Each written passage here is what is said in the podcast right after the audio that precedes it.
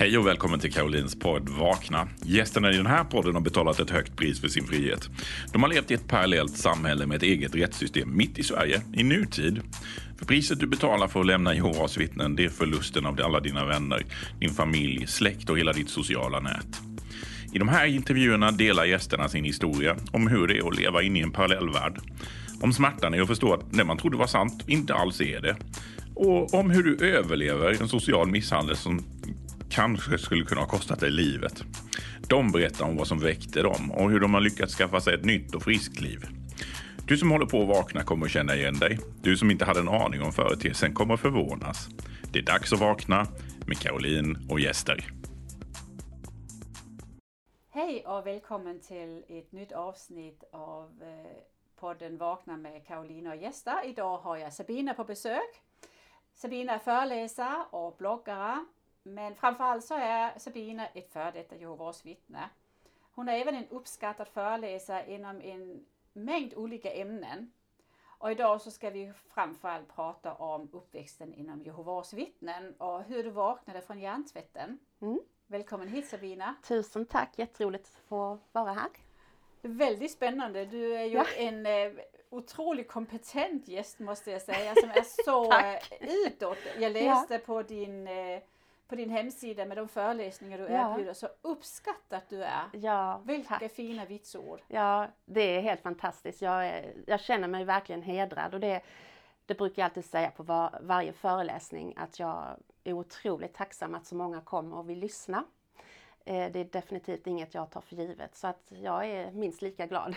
ja, och så har du så många ämnen du föreläser ja, om. Ja. Så du har ju verkligen om man om som mig tror att man som själ planerar sitt liv innan mm. man kommer ner så har du verkligen planerat ett komplext liv. Ja.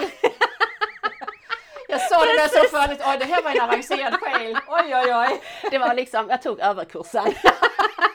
Du är Harvard. Ja. De flesta väljer kanske en utmaning, kanske två, du tog hela paketet. En sån intensivkurs. Jag ska avancera mycket i det här jordiska Ja, exakt. Ja, jättekul. Men eh, vi, eh, vi koncentrerar oss på det här med Jehovas vittnen idag. Ja. Berätta Sabina, hur, hur kom du i kontakt med Jehovas vittnen? Ja, det är en liten historia faktiskt. Det är så här att både på mammas och pappas sida så eh, är det jättemånga som är Jehovas vittnen. Det är alltså över 200 personer som Oj. är Jehovas vittnen. Så att jag föddes in i den här organisationen som fjärde generation. Och eh, min mamma gifte sig med min pappa när hon var 17 år. Det är wow. ju jättevanligt att man gifter sig väldigt tidigt. Ja. Utan att man egentligen känner, vem är jag? Så det här blev ju ett väldigt olyckligt äktenskap. Mm. Eh, min pappa var fransman, mamma svenska så att eh, när de hade gift sig så flyttade vi till Frankrike. Eller jag var inte ens född då. Eh, jag föddes i Frankrike och när jag var cirka tre år så um, blev det skilsmässa. Och både mamma och pappa blev uteslutna. Jaha. Ja. Ehm, vi flyttade tillbaka till Sverige, mamma och jag då. Ehm, och mamma fann sitt livs stora kärlek. Mm. Och det var ju inte ett Jehovas vittne. Nej. Nej. Det var en man som ändå, alltså han var intresserad eh, av, av liksom eh, typ sanningen inom situationstecken. Så han eh, läste Vakna vakttornet och han verkar jättebra och mamma blev ju blixtförälskad i den här mannen. Det visade sig bara det att han var ju alkoholist. Så att eh, han misshandlade ju mamma jättesvårt. Och jag låg ju som liten eh, skräckslagen många, många nätter. Jag hörde mamma skrek. Eh, och eh, en natt så då har hon blivit så svårt misshandlad. Han har knivhuggit henne så det är svårt misshandlad. Och så går han på toaletten och hon eh, öppnar dörren till sovrummet och drar upp mig ur sängen och sen rusar vi iväg. Och när vi eh, går in, alltså in i hissen så precis när hissen börjar åka ner så, så kommer, ser man hans ansikte. Så det var en fullständig skräck. Eh, vi hann som tur var komma i en taxi för vi, det var precis vid ett eh, torg, det var mycket taxibilar.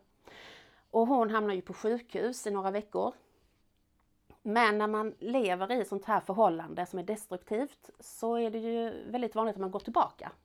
Så det gjorde hon. Och fick då eh, två barn med den här mannen. Och när jag var sex år, då ställde hon en fråga till mig. Då sa hon så här, eh, Sabina, vill du att vi eh, återvänder? Vill du att vi ska gå tillbaka till sanningen? Och jag hade ju ingen aning om vad det var för något. När man säger sanningen så betyder det Jehovas vittnen. Jehovas vittnen, för de, de anser sig vara den enda sanna religionen. De anser att eh, det är liksom Guds enda sanna organisation på jorden och de kallar det liksom för sanningen. Eh, så när mamma då ställer den här frågan, vill du att ska, vi ska återvända dit eller ska jag, ska jag vara kvar i det här förhållandet? Vilket är en jättemärklig fråga att ställa till en sexåring. Mycket konstigt. Ja, och, och, och, då känner jag att det enda jag vill är att mamma ska leva. Jag vill inte att hon ska dö. Eh, så då säger jag ju självklart, nej men jag, jag vill gå till rikets sal. Um, men jag, jag vet ju inte vad det innebär. Det har jag ingen aning om. Det enda jag vill är att mamma ska leva. Mm. Så när jag är då i sex år så börjar liksom vårt liv. Alltså mamma vill komma tillbaka och bli ett Jehovas vittne. Ja. Mm. Och då eh, flyttar hon från den mannen? Ja, då flyttar hon ifrån den mannen. Ja. ja. Mm. Och, och, eh, och, hon kommer väl ganska snabbt tillbaka och blir återupptagen? Hon blir återupptagen. Ja. Och eh, för mig innebär det ju nu eh, det får ju liksom sina konsekvenser.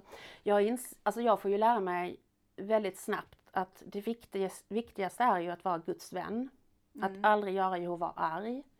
Jag får lära mig att mina känslor, tankar, åsikter det ska bara helt skjutas åt sidan. Mm.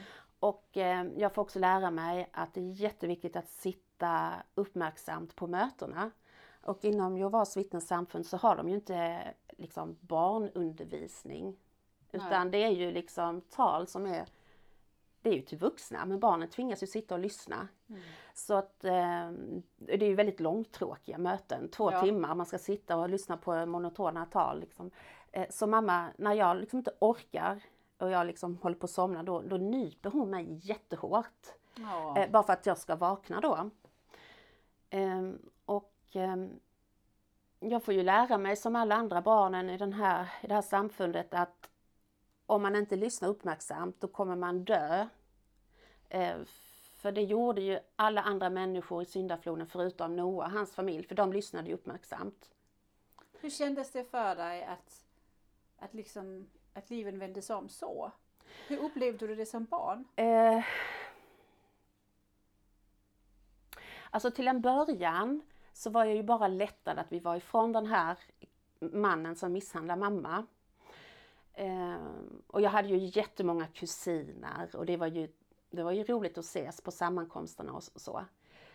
Men eh, vad som började nu, det var ju att om jag visade minsta tendens till att ifrågasätta eller vara uppnosig eller säga att Åh, jag är så trött, jag orkar inte. Eh, då blev jag slagen. Så mamma kunde liksom ge mig örfilar så det brände på kinden, rycka mig i håret, eh, slå mig med galgar.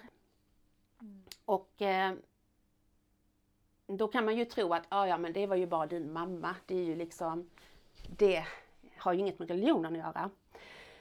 Men det är så här att eh, 1979 i mars, 15 mars, så började ju en ny lag gälla i Sverige och det var ju förbud mot barnaga. Och ja. Sverige var första landet i hela världen. Jag kommer ihåg det, ja. mina föräldrar pratade om det. Ja. Mm. Men 1987 i oktober i en studieartikel i Vakttornet så handlade den här artikeln om eh, barnuppfostran.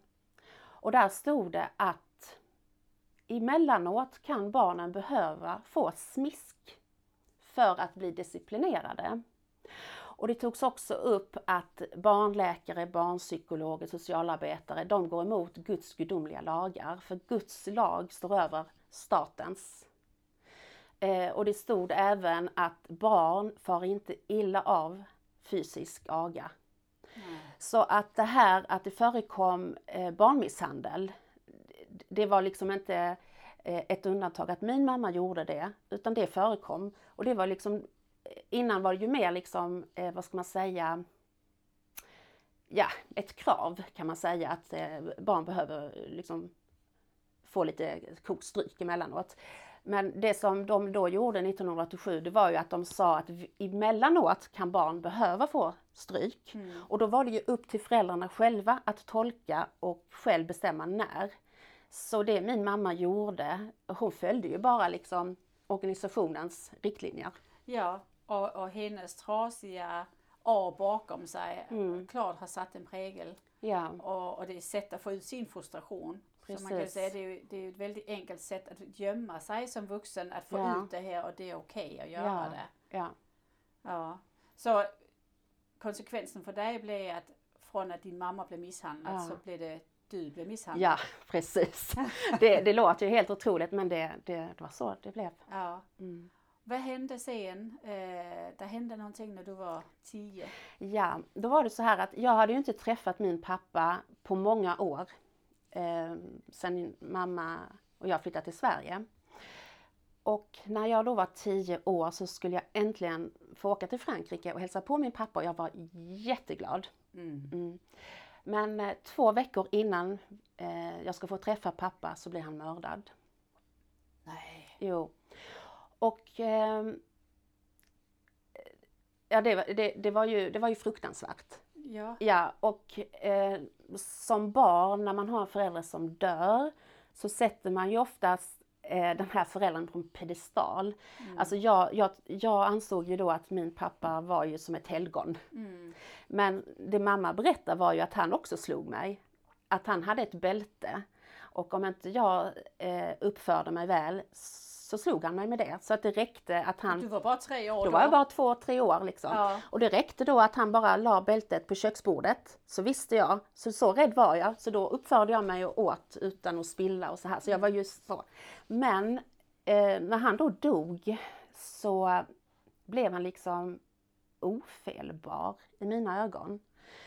Eh, och då var det så att i det huset vi bodde Eh, där började mamma umgås lite med en manlig granne. Och när han då fick höra att min pappa hade blivit mördad, då satte han in stöten där och skulle stötta och trösta min mamma. Han var inte Han var inget Jehovas vittne, men Nej. även han, likt hennes före detta som misshandlade svårt, även den här mannen påstod sig vara intresserad av sanningen och läste Vakna och Vakttornet och ja, började studera. Så allting verkade ju jättelovande. Och de gifte sig tio månader efter mordet på min pappa. Och alla i familjen var ju så glada och, och sa tänk nu har du fått en ny pappa Sabina och vad underbart. Det var bara det att han var en återfallsförbrytare eh, och sadistisk pedofil. Så nu började mitt riktiga helvete. Och de här eh, övergreppen eh, pågick i tio år. Sista våldtäkten, då var jag 21 år gammal. Nej. Jo. Och då är det ju så att jag fattar ju inte vad är det som pågår? Vad Nej. är det här för någonting? Och jag bad ju till Jehova om hjälp. Mm. Och ganska så snabbt så förstod jag att det måste ju vara mitt fel. Jag tog på mig skulden. Och jag, jag letade i liksom Vakna och vakttornet. Eh, Men pratade du med din mamma om det? Nej, gud det vågar jag inte göra. Därför att min jag, jag, säger pappa, men, för jag tvingades kalla honom för pappa. Men min styvfar, eftersom han läste Vakna och vakten så visste han exakt vilka punkter han kunde trycka på.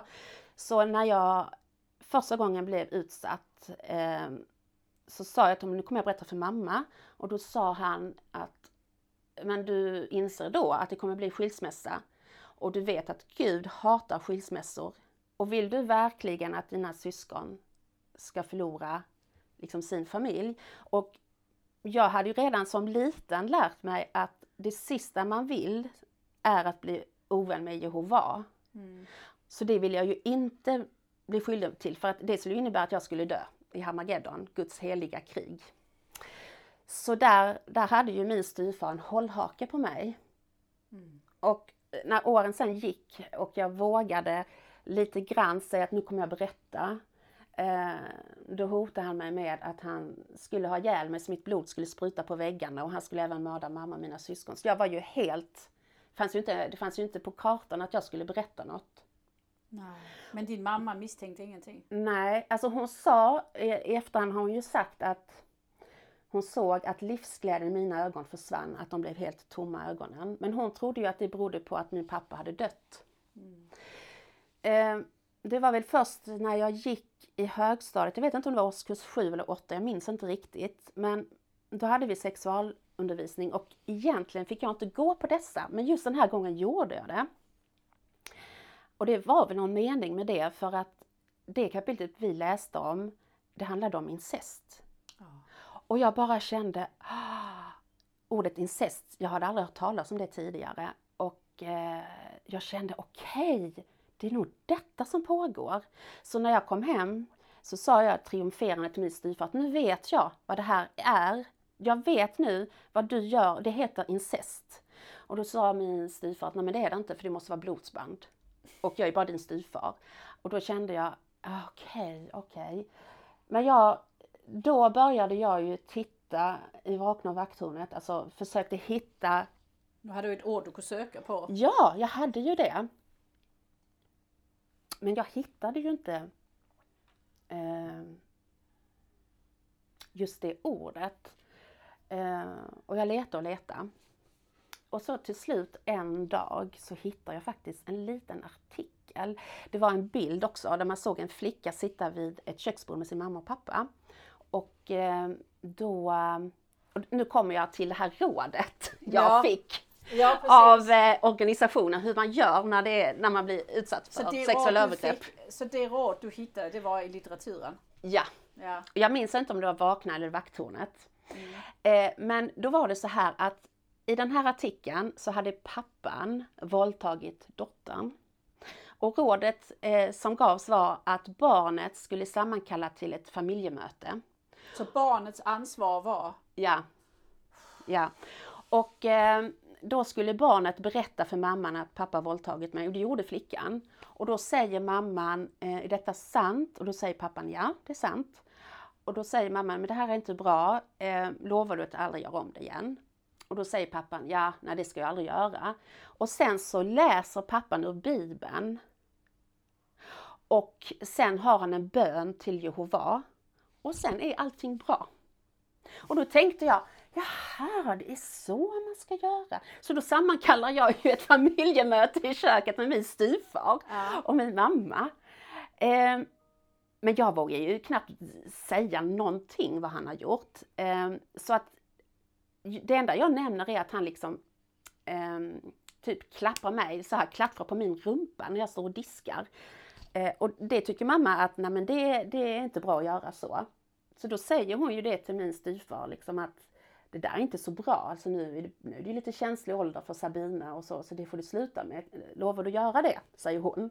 Ja, säger han. Och så det, det, här, det här visar också att de hade läst den här artikeln, för det var liksom ett manuskript, precis ja. som, alltså det, det är helt sjukt. Så frågan är om inte din mamma visste? Ja, det är frågan verkligen. Ja. ja den, den, frågan har jag ställt mig många gånger. Men då säger min styvfar att nej, han ska inte göra så mer och så ber han om ursäkt och ja. Och så ska jag då förlåta min styvfar, för det gjorde också flickan i den här artikeln, hon förlät sin pappa. Och så var det klart. Eh, men jag kände ju, alltså jag trodde ju att okej, okay, sen är allting bra. Men det var det ju inte. Eh, jag mådde skitdåligt. Jag kände ett stort äckel och jag fattade inte riktigt. Eh, och övergreppen upphörde ju inte. Nej, det nej, fortsatte. Nej. Och då tänkte jag, hur klarade den här flickan av det när jag var spyfärdig och hade självmordstankar? Så jag försökte ju hitta en uppföljning. Jag, jag tänkte, det måste ju stå mer om den här flickan. Um, men det gjorde det ju inte. Och den artikeln, när, när var den ifrån? Vilket år? Alltså det, här, det är detta som är problemet. Jag har ju letat och letat och letat efter den här artikeln och jag hittar inte den. Mm. Den är säkert bortplockad. Ja exakt, de det, det är det jag tror. Eh, de tar ju bort mycket och de redigerar ja. mycket. Ja. Så tyvärr, jag tror det. Och jag har eh, även pratat med ett annat Jehovas vittne och hon mindes också den här artikeln. Mm. Så, eh, och det var skönt att jag liksom fick den bekräftelsen att den har funnits. Mm. Ja precis. Den mm. skulle man kunna hitta faktiskt hos de som har pappas vakttorn. Ja, precis. Hur gammal var du? Eh, jag tror jag gick i högstadiet. Så var en 14, 15? Ja, däromkring. Så vilket år är det då? Mm, jag är född 72. Ja, samma år som mig. Ja. Mm. Mm. Så det är, det är väl slutet på 80-talet någon gång ja. va? 85, 86. Ja men det är mm. intressant mm. för att eh, man skulle kanske kunna hitta den men mm. Jaha, så det fortsätter och, och mm. vad, händer, vad händer sen? Det, du har det ju otroligt jobbigt mm. hemma. Mm. Hur har dina småsyskon det? Eh, ja, alltså jag tror ju att om jag offrar min kropp. För att saken är den att jag vill ju begå självmord. Men det enda som gör att jag inte begår självmord är för att jag vill skydda mina syskon. Vid det här laget har jag nu fyra syskon. Alltså Småsyskon. Barn, eh... Med den här pedofilen, två barn. Mm. Eh, det visar sig senare efter många, många år att även de har blivit drabbade på olika vis. Eh, men det visste jag ju inte om. Utan jag trodde att om, om han attackerar mig som han gjorde, eh, då skulle han inte gå på mina syskon. Mm. Och vad som händer är ju att livet är väldigt tufft. Ja. Jag um, har du någon du kan anförtro då? Nej. Det är din hemlighet? Ja, det är min hemlighet. Det finns, det finns, alltså, även om någon hade frågat mig så hade jag inte vågat säga. Nej. Nej. Nej. Så jag var liksom tystad. Mm. Och då eh, fortsätter livet som Jehovas vittne? Ja. Det blir, ja. Hur, hur, är, hur är du som tonåring i församlingen? Är du troende? Och... Eh, saken är den att jag, jag är djupt indoktrinerad. Och eh, det är ju så här att i Vakna och Vakthornet så kommer det upp artiklar som handlar om just styvfamiljer. Får jag, jag har faktiskt papper med mig. Får mm. jag bara läsa några ja, rader? Absolut, absolut. För det här kommer påverka mig när det gäller dopet sen. Mm. Så då tar jag fram Då läser jag, det här är alltså Vakna 1981 26, 22 i sjätte. Och det handlar alltså om eh, gärningsmannen som, som våldtar barnen. Mm. Då står det så här, hur förhåller det sig med gärningsmannen? Det är inte bara offret utan också gärningsmannen som kan lida på grund av incest. Och sen står det, det kan ge honom ständiga emotionella ärr. Och eh, gärningsmannen kan tvättas ren och helgas från Jehovas ståndpunkt. Och Jehova kan också hjälpa gärningsmannen att bli av med sina skuldkänslor. Och vidare står det, fängelse är inte alltid lösningen för sådana som utövar incest. Och sen i slutet av den här paragrafen så står det att det kan vara svårt för fadern att be barnet om ursäkt. Men han kan ju försöka göra det för att gottgöra den skadan han har åsamkat barnet. Och sen wow. ett, ja det är så fruktansvärt. Ja, eh, och nu kommer jag, eh, det här är vakthornet 1985 så det är fyra år senare. Det här är första i elfte. Och det handlar återigen om styvfamiljer och det här det här är så fruktansvärt och detta påverkade mig djupt. Då står det så här att om mannen får en styvdotter kan dessutom en annan svårighet uppstå, risken för sexuell omoraliskhet. Enligt vissa uppgifter, enligt vissa uppgifter, det står inte vilka, nej, nej eh, så förekommer omoraliska sexuella förbindelser i 25% av alla styvfamiljer. Därför ges rådet till föräldrar att eh, när de gifter sig och blir en styvfamilj så ska flickorna lära sig hur de ska klä sig och uppföra sig gentemot sin styvfader. Det är helt barnens ansvar. Helt barnens ansvar. Det står inte... Alltså, och det står inte incest eller det står nej, sexuell eller omoraliskhet. Som om det är samtycke. Exakt. Det står inte att detta är ett vidrigt brott. Det här är våldtäkt, det här är sexuella övergrepp, det här ska polisanmälas. Sociala myndigheter ska kontaktas, eh, ordna barnpsykologterapi för barnet. Ingenting. Utan detta är en sexuell omoraliskhet och flickorna ska tänka sig för hur de klär sig och uppträder. Och, och det här sa ju mamma till mig då att ja, nu har vi ju en man i huset Sabina. Nu måste du tänka dig för hur du går klädd. Så att du kan inte från ditt rum gå till toaletten i, i, i eh, nattlinne. Och när du har duschat så kan inte du gå ut bara i morgonrock eller en handduk. Utan du måste alltid vara fullt påklädd. Det var ditt ansvar? Det var mitt ansvar. Det var mitt ansvar. Mm. Ah. Och det här får ju konsekvenser också eh, när vi då kommer fram till dopet, för jag ville inte döpa mig. Varför ville du inte det? Därför att jag visste ju nu att jag var en syndare av värsta sorten. Så det var inte för att du inte trodde på det, det var för att du kände dig smutsig? Ja, och eh, hycklare. Ska jag verkligen döpa mig när Gud, när Jehova vet vilken syndare jag är? Ska jag verkligen göra det? Eh, och det var den orsaken som gjorde att jag inte ville döpa mig. Jag var ju fortfarande djupt indoktrinerad och jag förstod ju också att om man inte döper sig så är risken väldigt stor att man dödas i Hamageddon. Så det var ju enorm eh, skräck jag levde med. Och jag lyckas eh, skjuta upp det här med dopet ett halvår ungefär. Men sen då när jag går i högstadiet, jag tror jag är 14, kanske 15. I min församling var det flera ungdomar som skulle döpa sig. Och med tanke på då att en sån stor del av vår släkt är Jehovas vittnen så var det ju en skam om inte jag döpte mig. Mm. Och jag sa till mamma många gånger, jag vill inte döpa mig, jag vill inte döpa mig. Av den anledningen att Jehova visste vem jag var. Men jag tvingades till det. Och eh, när jag då går ner i, i den här bassängen, det var i Göteborg.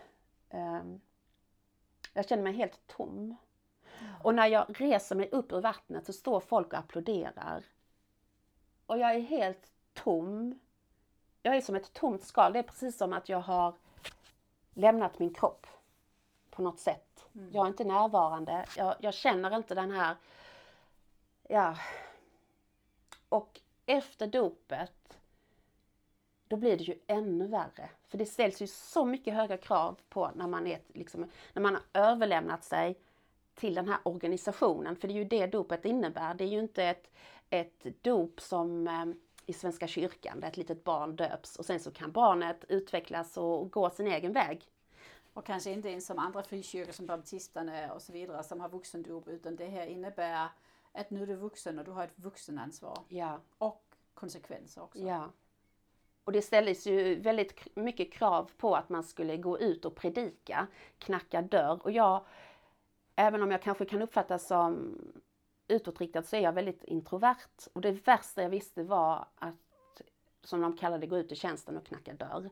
Jag hade djup, djup ångest. Och jag, jag kan säga det att inte en enda gång under alla de här åren så tyckte jag det här var roligt. Um, och det var också så um, att de höll ju tal i församlingen, äldstebröderna, att om du inte om du inte går ut och predikar, då har du blod på dina händer. Mm. Då, då är det din skuld att så många människor kommer dö i Hamageddon. Och så då kommer inte du heller överleva. Eh, och de, jag vet det var en gång ett tal, en liknelse om att eh, Ja men tänk om det brinner ett hyreshus. Vad gör du? Rusar du ut ur huset? Nej men det gör du ju inte, du knackar ju på alla grannar och, och, och för att rädda dem. Mm, den är klassisk den, den är, ja. ja. ja. så att, men saken var den att ju äldre jag blev desto mer halkade jag efter.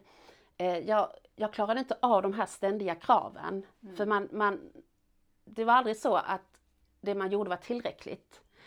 Eh, till slut orkade jag inte gå så mycket i tjänsten.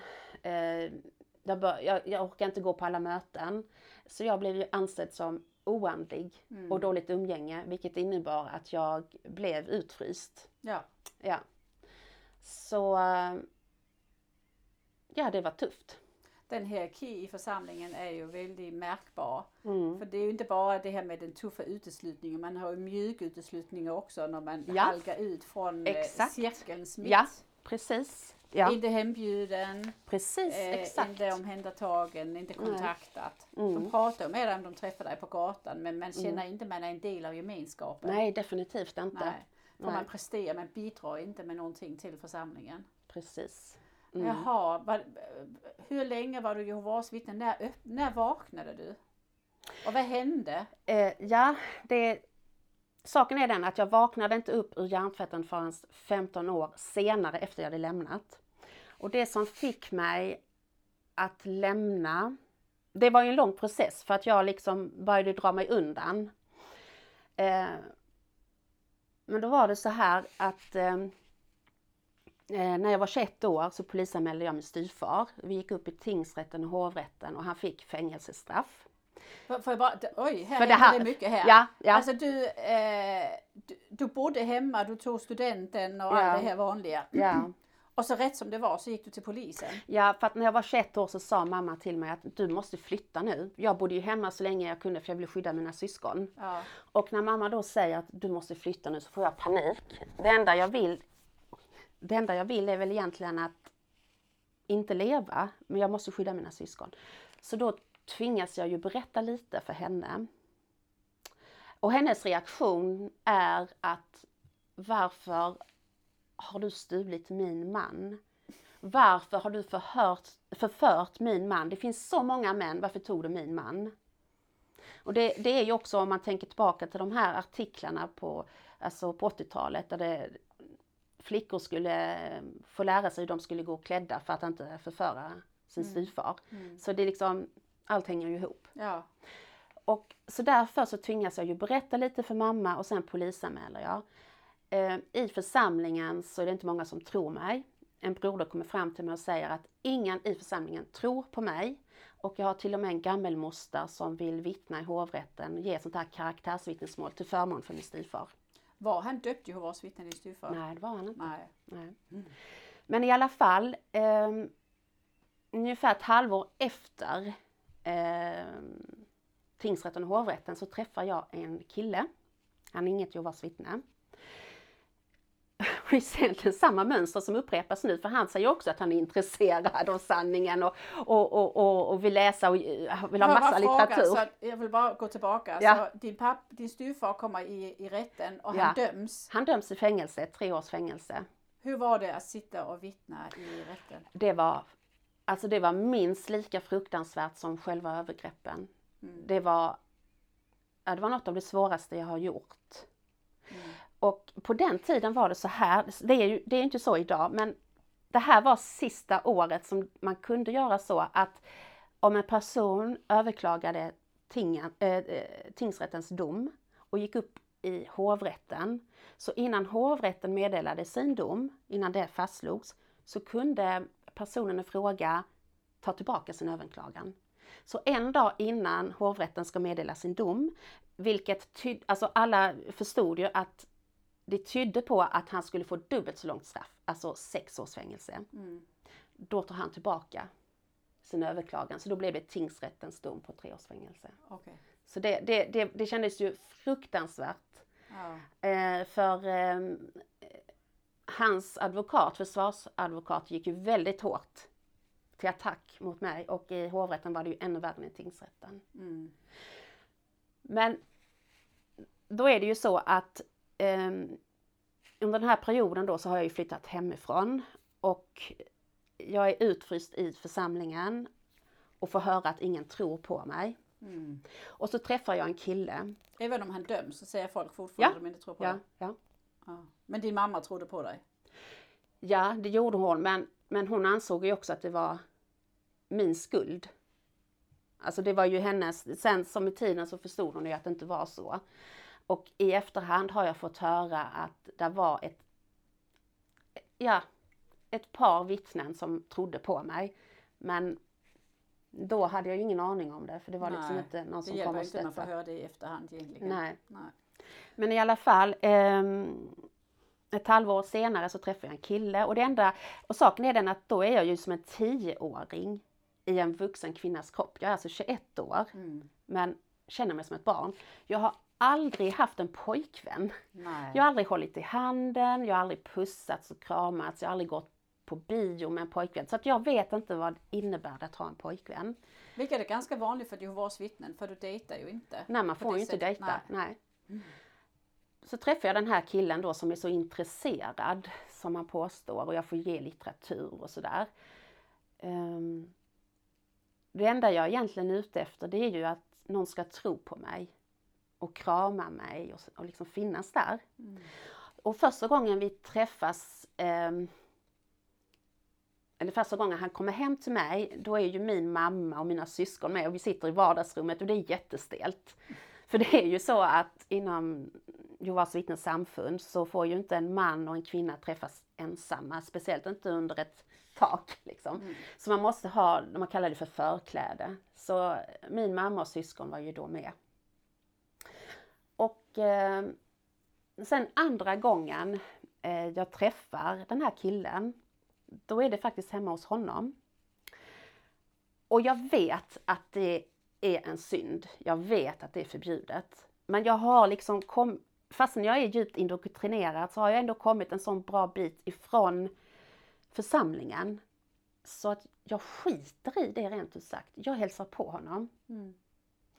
Men nu är det ju så här att jag har ju självklart inte valt, eller valt, det var inte jag som valde egentligen, utan det var han som valde mig. Och jag hade ju inte lärt mig det här med integritet, lyssna på din intuition, visste inte ens vad intuition var för någonting. Nej. Du har ju bara gömt undan dig själv Ja. hela din barndom. Ja. Det, eh, och då andra gången vi träffas och det är hemma hos honom så slutar det ju med att han våldtar mig. Och mitt största misstag är att jag anförtror min mamma Ja. och berättar mamma jag blivit våldtagen. Och en, om man säger en normal mamma kramar ju om sin dotter, stöttar, eh, säger att det här måste vi polisanmäla och du måste få en psykolog. Alltså, men det min mamma gör, det första hon gör det är att hon slänger sig på telefonen, ringer till en av äldstebröderna i församlingen och anger mig. Nej. För jag har ju begått en synd. Jag har ju haft sex innan äktenskapet. Och, och, och det är ju så inom organisationen att man har ju sån här angiverisystem eller en angiverikultur, precis som KGB i Östtyskland. Att om ett Jehovas vittne får reda på att ett annat vittne, en annan medlem i organisationen begår en synd, så måste det anmälas och rapporteras till äldstebröderna. För annars är ju den personen medskyldig och nu handlar det om församlingens renhet. Mm. Precis. Och då kan Jehovas ande tas bort från församlingen. Exakt, så det här är allvarliga saker Ja. vi pratar om nu då. Ja. Ja. Eh, Så att samma vecka som jag berättat det här för mamma så um, dras jag in ehm, till en dömande kommitté. Och jag är skräckslagen, jag är panikslagen. Det här är en söndag och självklart sker ju de här dömande kommittéerna när liksom det är möten. Eh, Så att hela församlingen ser ju mig passera med de här tre äldste bröderna och så går vi in i biblioteket. Och detta är, då har det alltså blivit sommaren efter jag redan har blivit förhörd av tingsrätten och hovrätten och nu återigen så sitter jag framför äldre män och ska bli förhörd. Och eh, då vill de ju veta precis allt, alltså detaljer. Hur gick det till? Och ja, jag får ju berätta. Ehm, men de anser ju inte att det är en våldtäkt. Både de och min mamma säger ju att när du gick hem till den här killen och var ensam med honom i hans hem, då gav du honom eh, tillåtelse att eh, ha sex med dig. För eh, det är så det är. Du har, han har rätt att kränka dig. Ja, det absolut. Det är mitt eget fel. Ja. Ja. Så, eh, och sen ställer de ju en väldigt viktig fråga. De ställer ju det liksom, gjorde du motstånd? Skrek du? Mm. Och eh, just vid det här tillfället då, alltså den här våldtäkten, eh, så gjorde jag det. Jag skrek och jag gjorde så mycket motstånd jag kunde. Vilket i deras ögon var bra, för att om jag hade frysits till is och inte sagt något, då hade jag varit medskyldig och blivit utesluten. Nu var det ju så att jag faktiskt hade gjort motstånd plus att jag var djupt ångerfylld. Jag bad så hemskt mycket om ursäkt. Jag grät, jag var helt förstörd och jag sa att jag förstår, jag inser, jag vet att jag har begått en synd. Ja. Bara att, äh, att, liksom, att din kropp ska acceptera ja. att du har begått en synd. Ja. För att du har låtit dig bli våldtagen. Ja. Det, det, det, är ja. ju nästan man blir sjuk av. Ja, Bara säga alltså, det. Ja. Alltså jag ville ju bara träffa honom och ta en kopp te och sitta och prata. Jag hade ju inte någon tanke på men ändå så, så inser jag ju att jag har begått en synd för jag visste vilka regler som gäller. Och jag visste också att om jag skulle träffa honom så skulle jag alltid ha ett förkläde. Och den här gången sket jag i det. Och då hände detta och det visar ju bara att bröderna och mamma hade rätt. Mm. Ja. ja. Eh, och det här var då en söndag och på tisdagen så läser en av de här äldstebröderna som var i den dömande kommittén och det är ju som en intern rättegång mm. inom organisationen där man mm. dömer medlemmarna och har makt över deras liv. Och på tisdagen läser då en av äldstebröderna upp och bara säga äldstebröder, det är de här prästerna. Det är som, prästerna. Som det är en handfull av, 8-10 stycken kanske, ibland mindre. Ja. Som har rättighet att göra sådana här interna ja. rättegångar. Precis. Mm. Och det jag eh, utsätts för nu, det är ju alltså ingen uteslutning, men man kan kalla det uteslutning light. Mm. för att eh, jag får liksom en dom på mig och en varning som hela församlingen får ta del av. Det, det berättas att jag har begått en svår synd och jag har varit i dömande kommittén och att eh, det meddelas vilka förhållningsregler som gäller nu. Och då var det ju så att för att bevisa att jag verkligen ångrade min synd så skulle jag ju nu stå ut med att eh, ja, men liksom bli behandlad som luft. Så att jag kom ju till eh, mötena, jag såg till att komma till mötena när församlingen redan sjöng inledningssången. Mm. Och så skulle jag sätta mig längst bak och ingen fick sitta bredvid mig. Och sen så skulle jag ju också gå ifrån eh, Rikes sal när brodern läste liksom precis hade avslutat bönen. Då skulle jag snabbt ut. Så att liksom folk slapp stöta på mig och sådär. Så tre gånger i veckan gick jag på möten.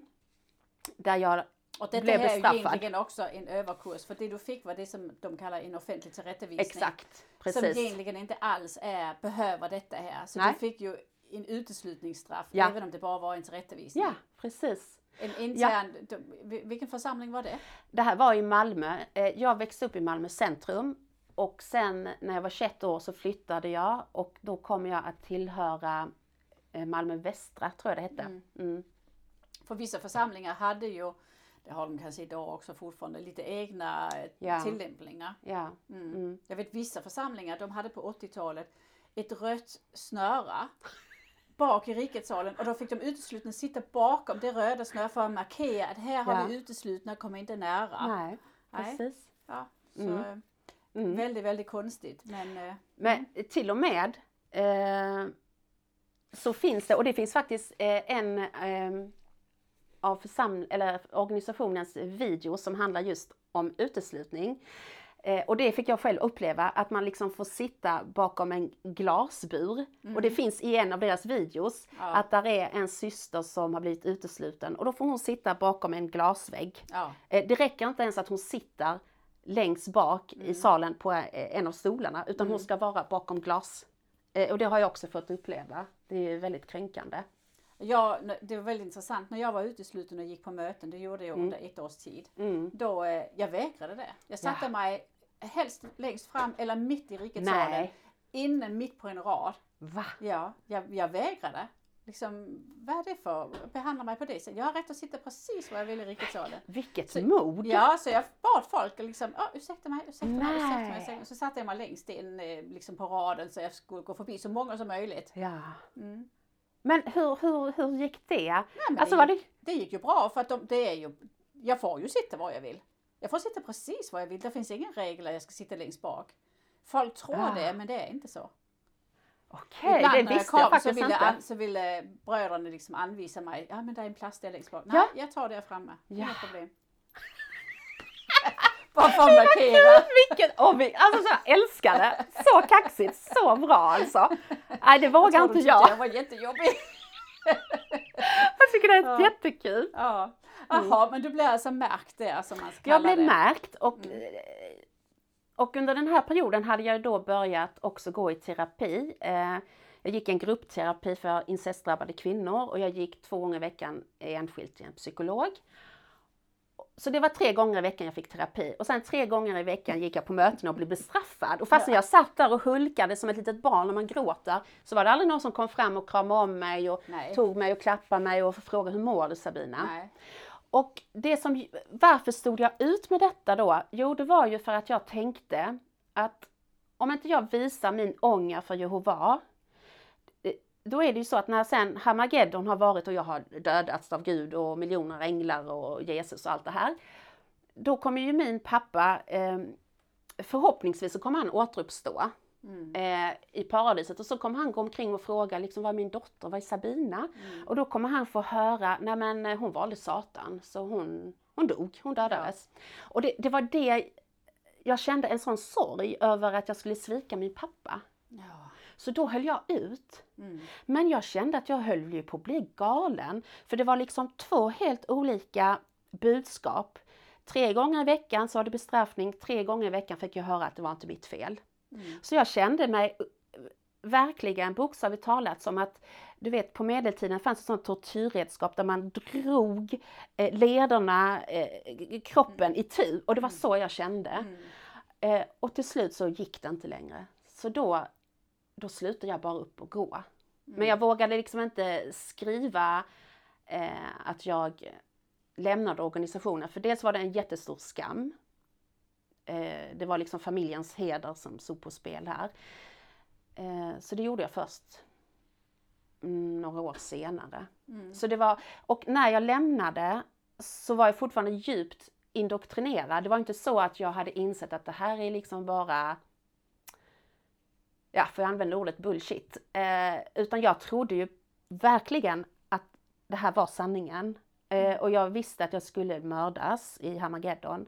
Och ehm, det hade jag ju först fått höra att ja, det skulle ske på 80-talet, sen var det definitivt 90-talet. Mm. Och sen var det år 2000, så när det då blev den nyårsafton så var jag livrädd, tänkte nu kommer jag dö. Ja. ja. Så att jag var ju djupt indoktrinerad. Ja, men, men eh, ehm, när du lämnade Jehovas Mm. vittnen, vad hade du samtalat med din terapigrupp omkring att jag måste nog lämna den här organisationen? Alltså detta är väldigt... Eh, För egentligen hade du Ja. inte behövt det lämna, Nej, du hade bara nej. kunnat sluta gå på, Ja. du slutade ju gå på Ja. möten. Så varför, varför gjorde du det? Alltså saken är den att jag vågade absolut inte nämna någonting om att jag eh, var ett Jehovas vittne. Det var ingen som visste om det, inte ens min psykolog eller gruppterapin. Nej, för du vill inte lägga skam över. Exakt, jag var livrädd, för det, har- det får man ju också lära sig som barn, att man inte ska tala illa om Jehova och organisationen, för det är ju Guds enda sanna eh, organisation på jorden. Ehm, Så det vågar jag inte. Det, nu är jag ju 50 och det är alltså först bara för några år sedan som jag i terapi vågade berätta om min uppväxt inom den här, det här ja, samfundet, jag kallar det för sekt. Ehm, och det var förenat med mycket ångest och skräck. Mm. Så att... ehm, Så, ja. Men varför, varför valde du att skriva ut dig? Det var för att jag orkade inte med att bli ständigt förföljd. Alltså äldstebröderna kom in på mitt jobb, stod utanför eh, eh, min bostad, försökte ständigt få kontakt för de vill ju se. Du, var, du orkade inte med att äldstebröderna kom in på... Ja, det, för det, det blir ju trakasserier och till slut så bara kände jag nej men då får jag väl skriva. Mm, De tröttade ut dig. ja, precis. Vad var det som gjorde att du vaknade sen? Ja, då är det så här, 15 år senare så kommer det en syster och knackar på min dörr. Hon heter Jehovas vittne alltså. Eh, jag spyr galla över församlingen. Jag kokar över raseri och jag säger att jag är ett före detta Jehovas vittne och jag vill inte att hon kommer överhuvudtaget. Men hon ger sig inte. Och till slut blir det så att jag bjuder in henne i köket och så börjar vi prata. och hon kommer flera månader. Och eh, till en början är det bara att jag bara spyr galla. Jag känner sånt hat. Eh, men hon säger att det jag har gått igenom, det, ja, det är undantagsfall. Det, hon har aldrig hört talas att någon annan har upplevt det jag har upplevt. Så det, det ska jag inte tro. Och eftersom jag fortfarande är, eh, jag har ännu inte kommit upp ur den här hjärntvätten, så tar jag ju till mig hennes ord och tror att okej, okay, det är ett undantag. Det var bara en eh, otur att jag skulle drabbas. Det här sker inte annars i organisationen. Eh, så till slut började vi läsa, studera Bibeln och vakna, eller Vakttornet och ja, de har andra böcker man läser ju. Även om du är utesluten? Ja, nu är det så. Exakt. För jag tänker ju inte på detta. Nej. Men en dag kommer hon och säger till mig att äldstebröderna har pratat med henne, alltså prästerna då. Mm. Mm och sagt att hon får inte studera Bibeln med mig, för jag är ju utesluten. Nej, precis. Utan det måste vara två äldstebröder ja. som kommer till mig. Ja. Jag bryter ihop och gråter för jag, nu har jag ju öppnat mig för den här eh, kvinnan och, mm. och, och, jag tycker om henne. Mm. Hon gråter också, hon är också ledsen och så säger jag till henne att Tror du på fullaste allvar med min bakgrund att jag skulle bjuda hem två främmande män ja. och sitta i köket och öppna mig och studera. Tror du på fullaste allvar att jag gör detta? Nej. Det kommer jag inte göra. Nej. Och då säger hon, ja men du har ju berättat för mig det här om dopet, alltså hur du blev tvingad till det. Så säger hon, jag har en idé, om du skriver till huvudkontoret i Arboga och förklarar liksom omständigheterna så kan ju ditt dop ogiltighetsförklaras och då är du ju som en världslig, alltså icke Jehovas mm. vittnen och då kan jag studera med dig. Och jag tycker detta är en kanonbra idé. Mm. Och vi är båda totalt övertygade om att eh, mitt dop kommer annulleras. Så jag skriver till bröderna på huvudkontoret och jag berättar. Jag berättar min barndom och omständigheterna och det är flera sidor. Och sen så går det en liten tid, sen får jag eh, ett kuvert tillbaks och det är väldigt tunt. Jag blev så förvånad för att jag hade skickat många sidor. Jag tänkte att ja, men jag skulle inte få kanske lika tjockt brev men ändå. Ja. Och så öppnar jag eh, kuvertet och ser det här pappret och då är det liksom två rader där det står att de har kontaktat eh, Malmö centrum, alltså min barndomsförsamling.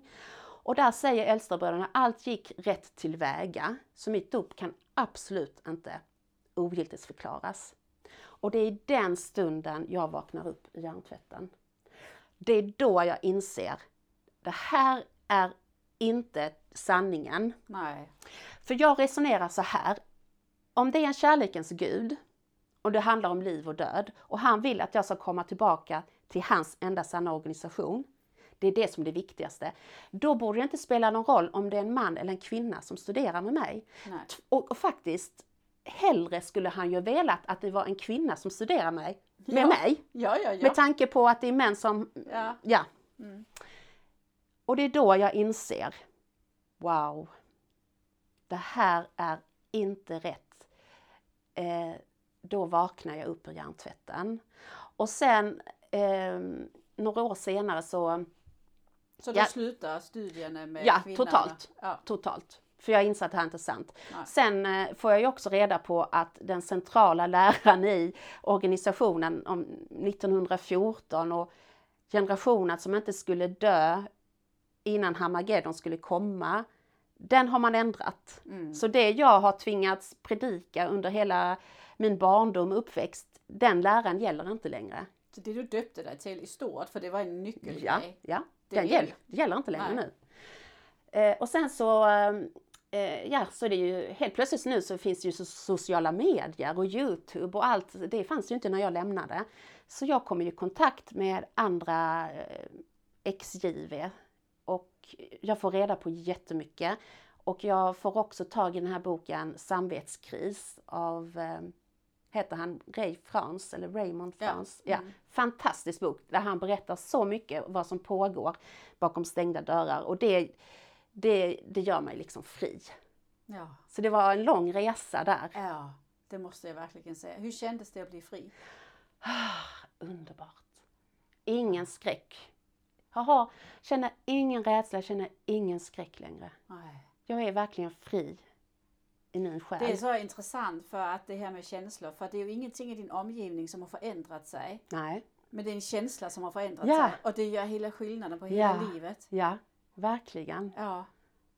Och det var ju Mm. en ganska liten grej som gjorde att bing! Ja.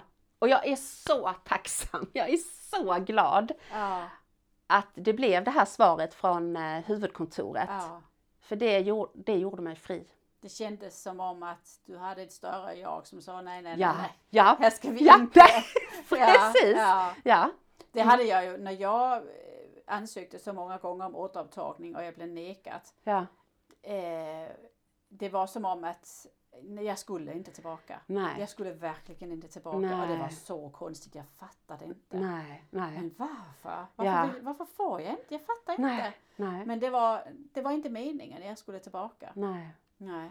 Det börjar ett nytt liv. Man, man börjar eh, hitta sig själv. Ja. Eh, man vågar utmana sig själv, man vågar ha egna tankar och uppfattningar, ifrågasätta.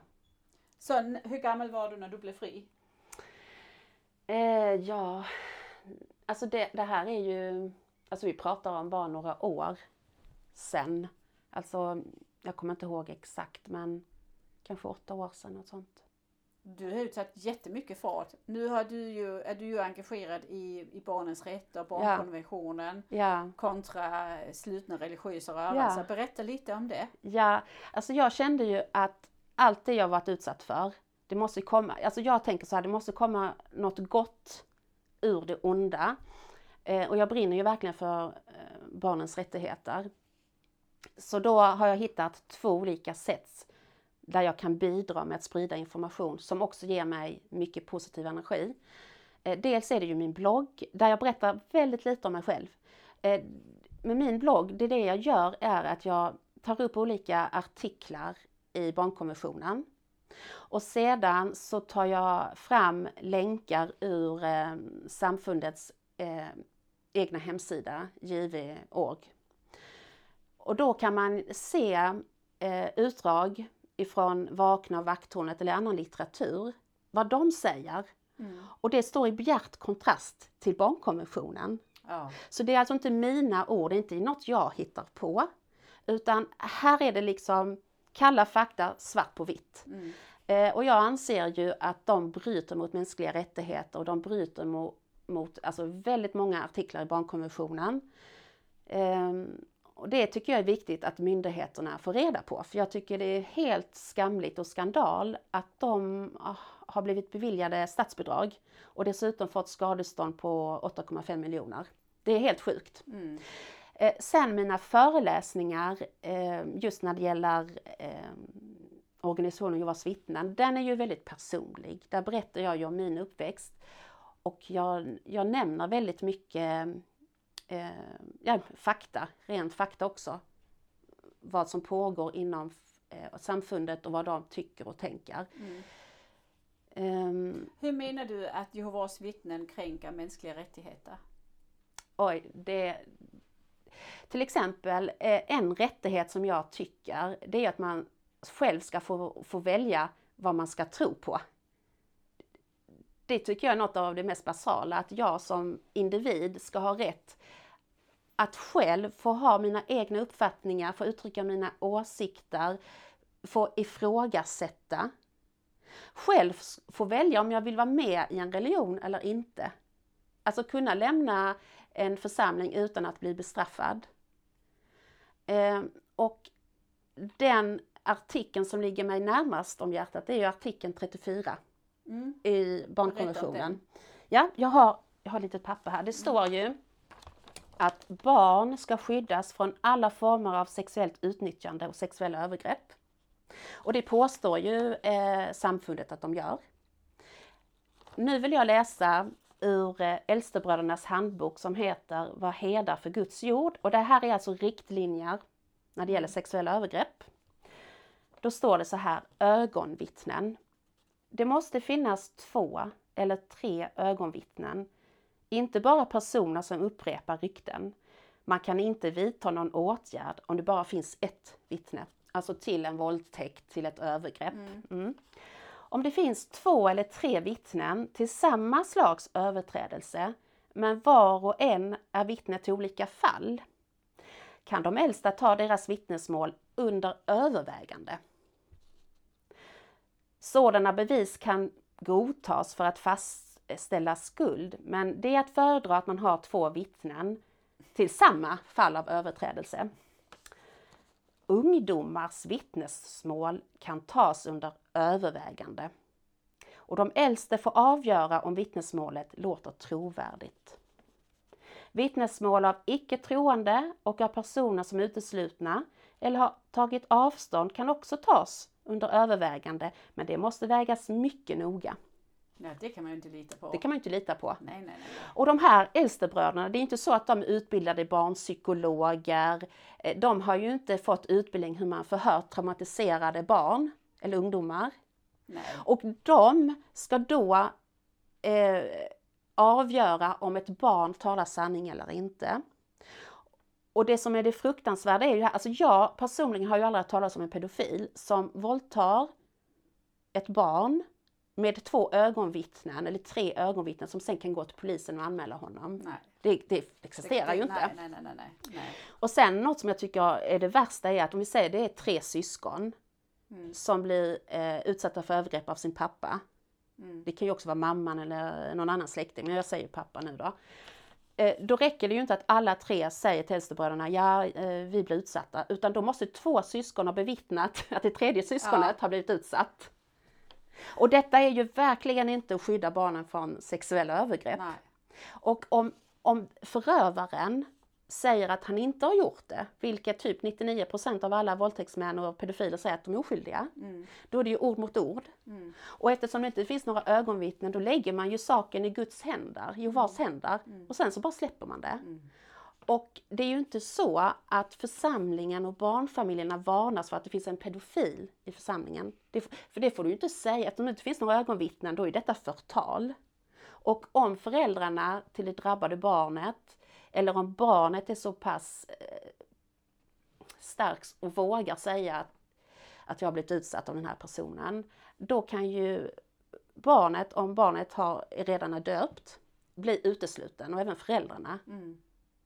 Eh, och ingenstans här står det att eh, det här är ett brott, det ska polisanmälas. nej. Utan vi pratar om att, ehm, att det, är en, det är en överträdelse, står Och så det. kan man ju säga att, ja men okej, eh, församlingen är ingen rättsinstans utan Exakt. föräldrarna får göra vad de vill eller ungdomarna får göra vad de vill. Mm. Men, men samfundet förstår inte vilken makt församlingen har. Exakt. Det är inte bara en fotbollsklubb eller Nej. en handbollsklubb. Det här det är Guds högra hand Ja. du sitter och pratar med. Precis. Och det är, det är den kunskapen som måste ut i, sekul, i det sekulariserade samhället. Exakt. det är klart man inte måste eh, som barn polisanmäla det eller som Mm. vuxen.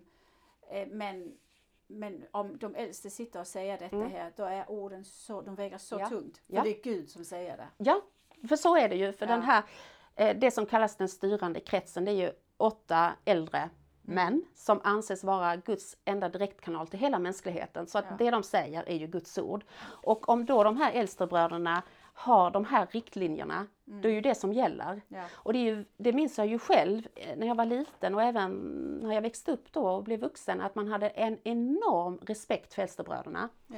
Och jag vet att jag berättade för mamma någon gång när jag gick i högstadiet att eh, det var en eller två äldstebröder som jag var rädd för. Jag tyckte de tittade på mig med väldigt äckliga ögon och eh, jag kände ett obehag. Och då sa mamma, alltså då, då blev jag bestraffad och slagen. För så fick man inte säga om äldstebröderna, för de Nej. hade en sån makt. Ja. Eh, och saken är den att om du, barnet eller den drabbade familjen går till sociala myndigheter eller polis så är det en jättestor risk att du blir utstött i församlingen. För det finns inga ögonvittnen. Mm. Så, och och då, är handla, det här- då anser de att detta är förtal. Mm. Så då kommer de stötta den här stackars mannen som blir utsatt. Ja. Mm. Det är, det är helt otroligt när man sitter här på andra sidan Mm. och hör när du berättar. Och så tänker jag på mig själv, det var fem år sedan jag själv var del i det. Ja. Och jag hade ju i detta här kunnat hitta 25 olika argument för att argumentera dig. Ja. Ja. Ehm, och inte för att jag på något sätt tycker det är okej att män våldför sig. Jag tror att det är en minoritet av Jehovas vittnen som tycker att det är okej. Mm. Men jag hade kunnat hitta ursäkter Ja. till höger och vänster. Ja. Ehm, det, det är otroligt vilken effekt hjärntvätt Mm. har. Mm.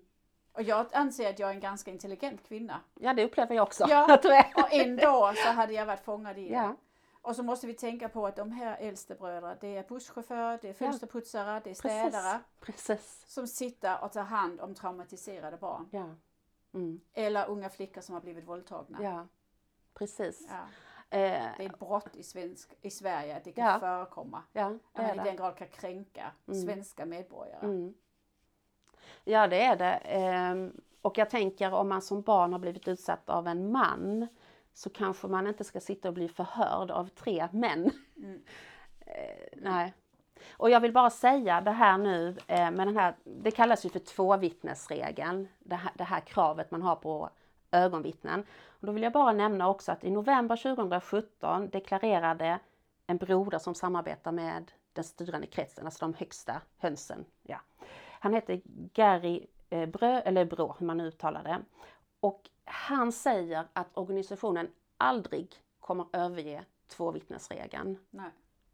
Eh, och det står de fast vid. Mm. Och då anser inte jag att man skyddar barn från sexuella övergrepp utan man skyddar pedofilerna.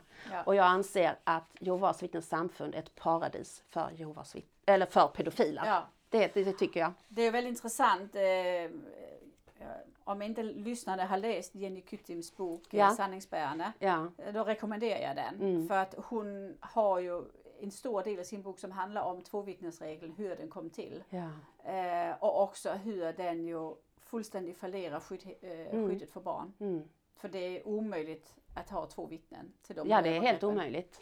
Och det, det är minst, helst ska det vara tre. Ja. Ja, Ja, det är så absurt. ja, ja, precis. Mm. Ja, ja hur, vilket liv du har haft. Ja, det har varit Eh, lite så upp och ner. hur har du det idag? Alltså jag får säga under omständigheterna mår jag bra.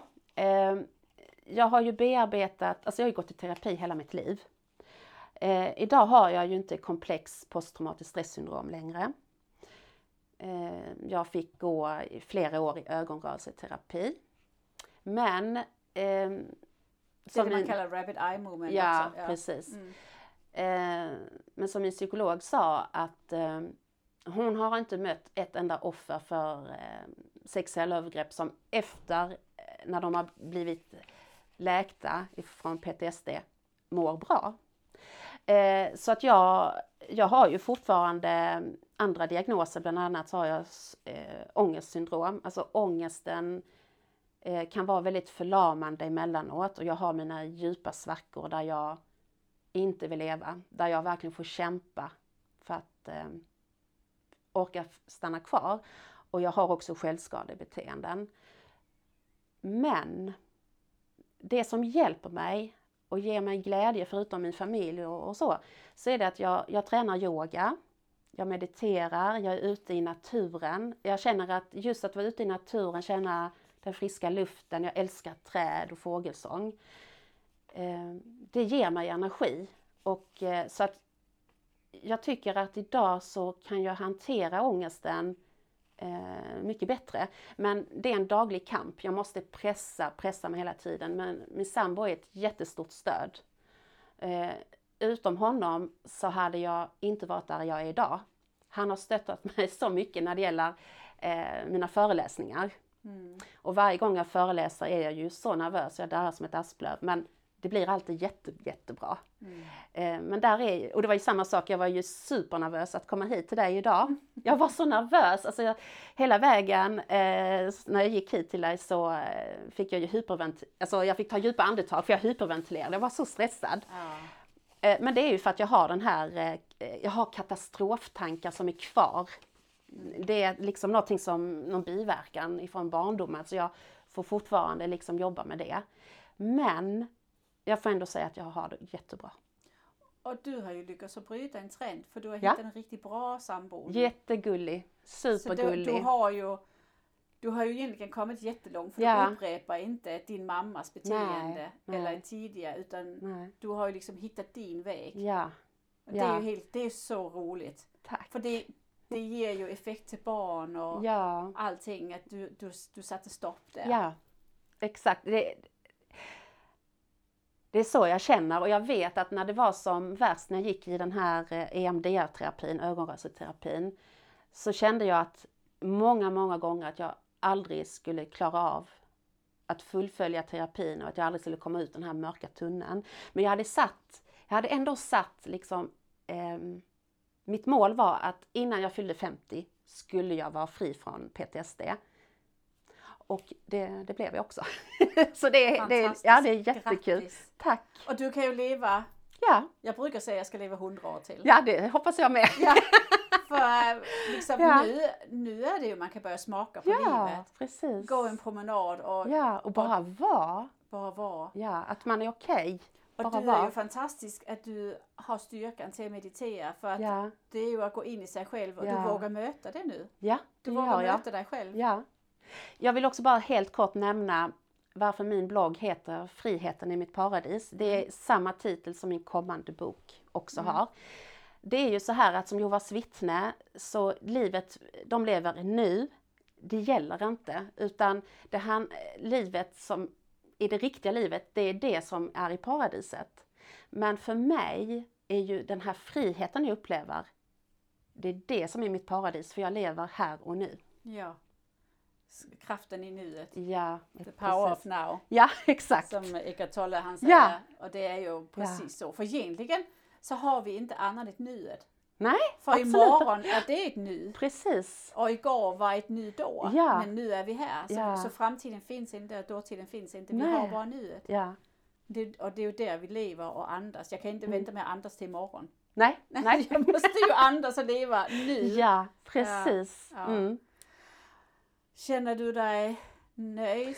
Ja, jag tycker jag har fått berätta det jag ville framföra. Ja, det tycker jag. Och jag måste, nu vet jag inte i din bok om du berör Mm. andra delar av ditt liv som ju är helt fascinerande Mm. som vi inte ens har kommit in på här. Mm, mm. Har du med det i din bok också?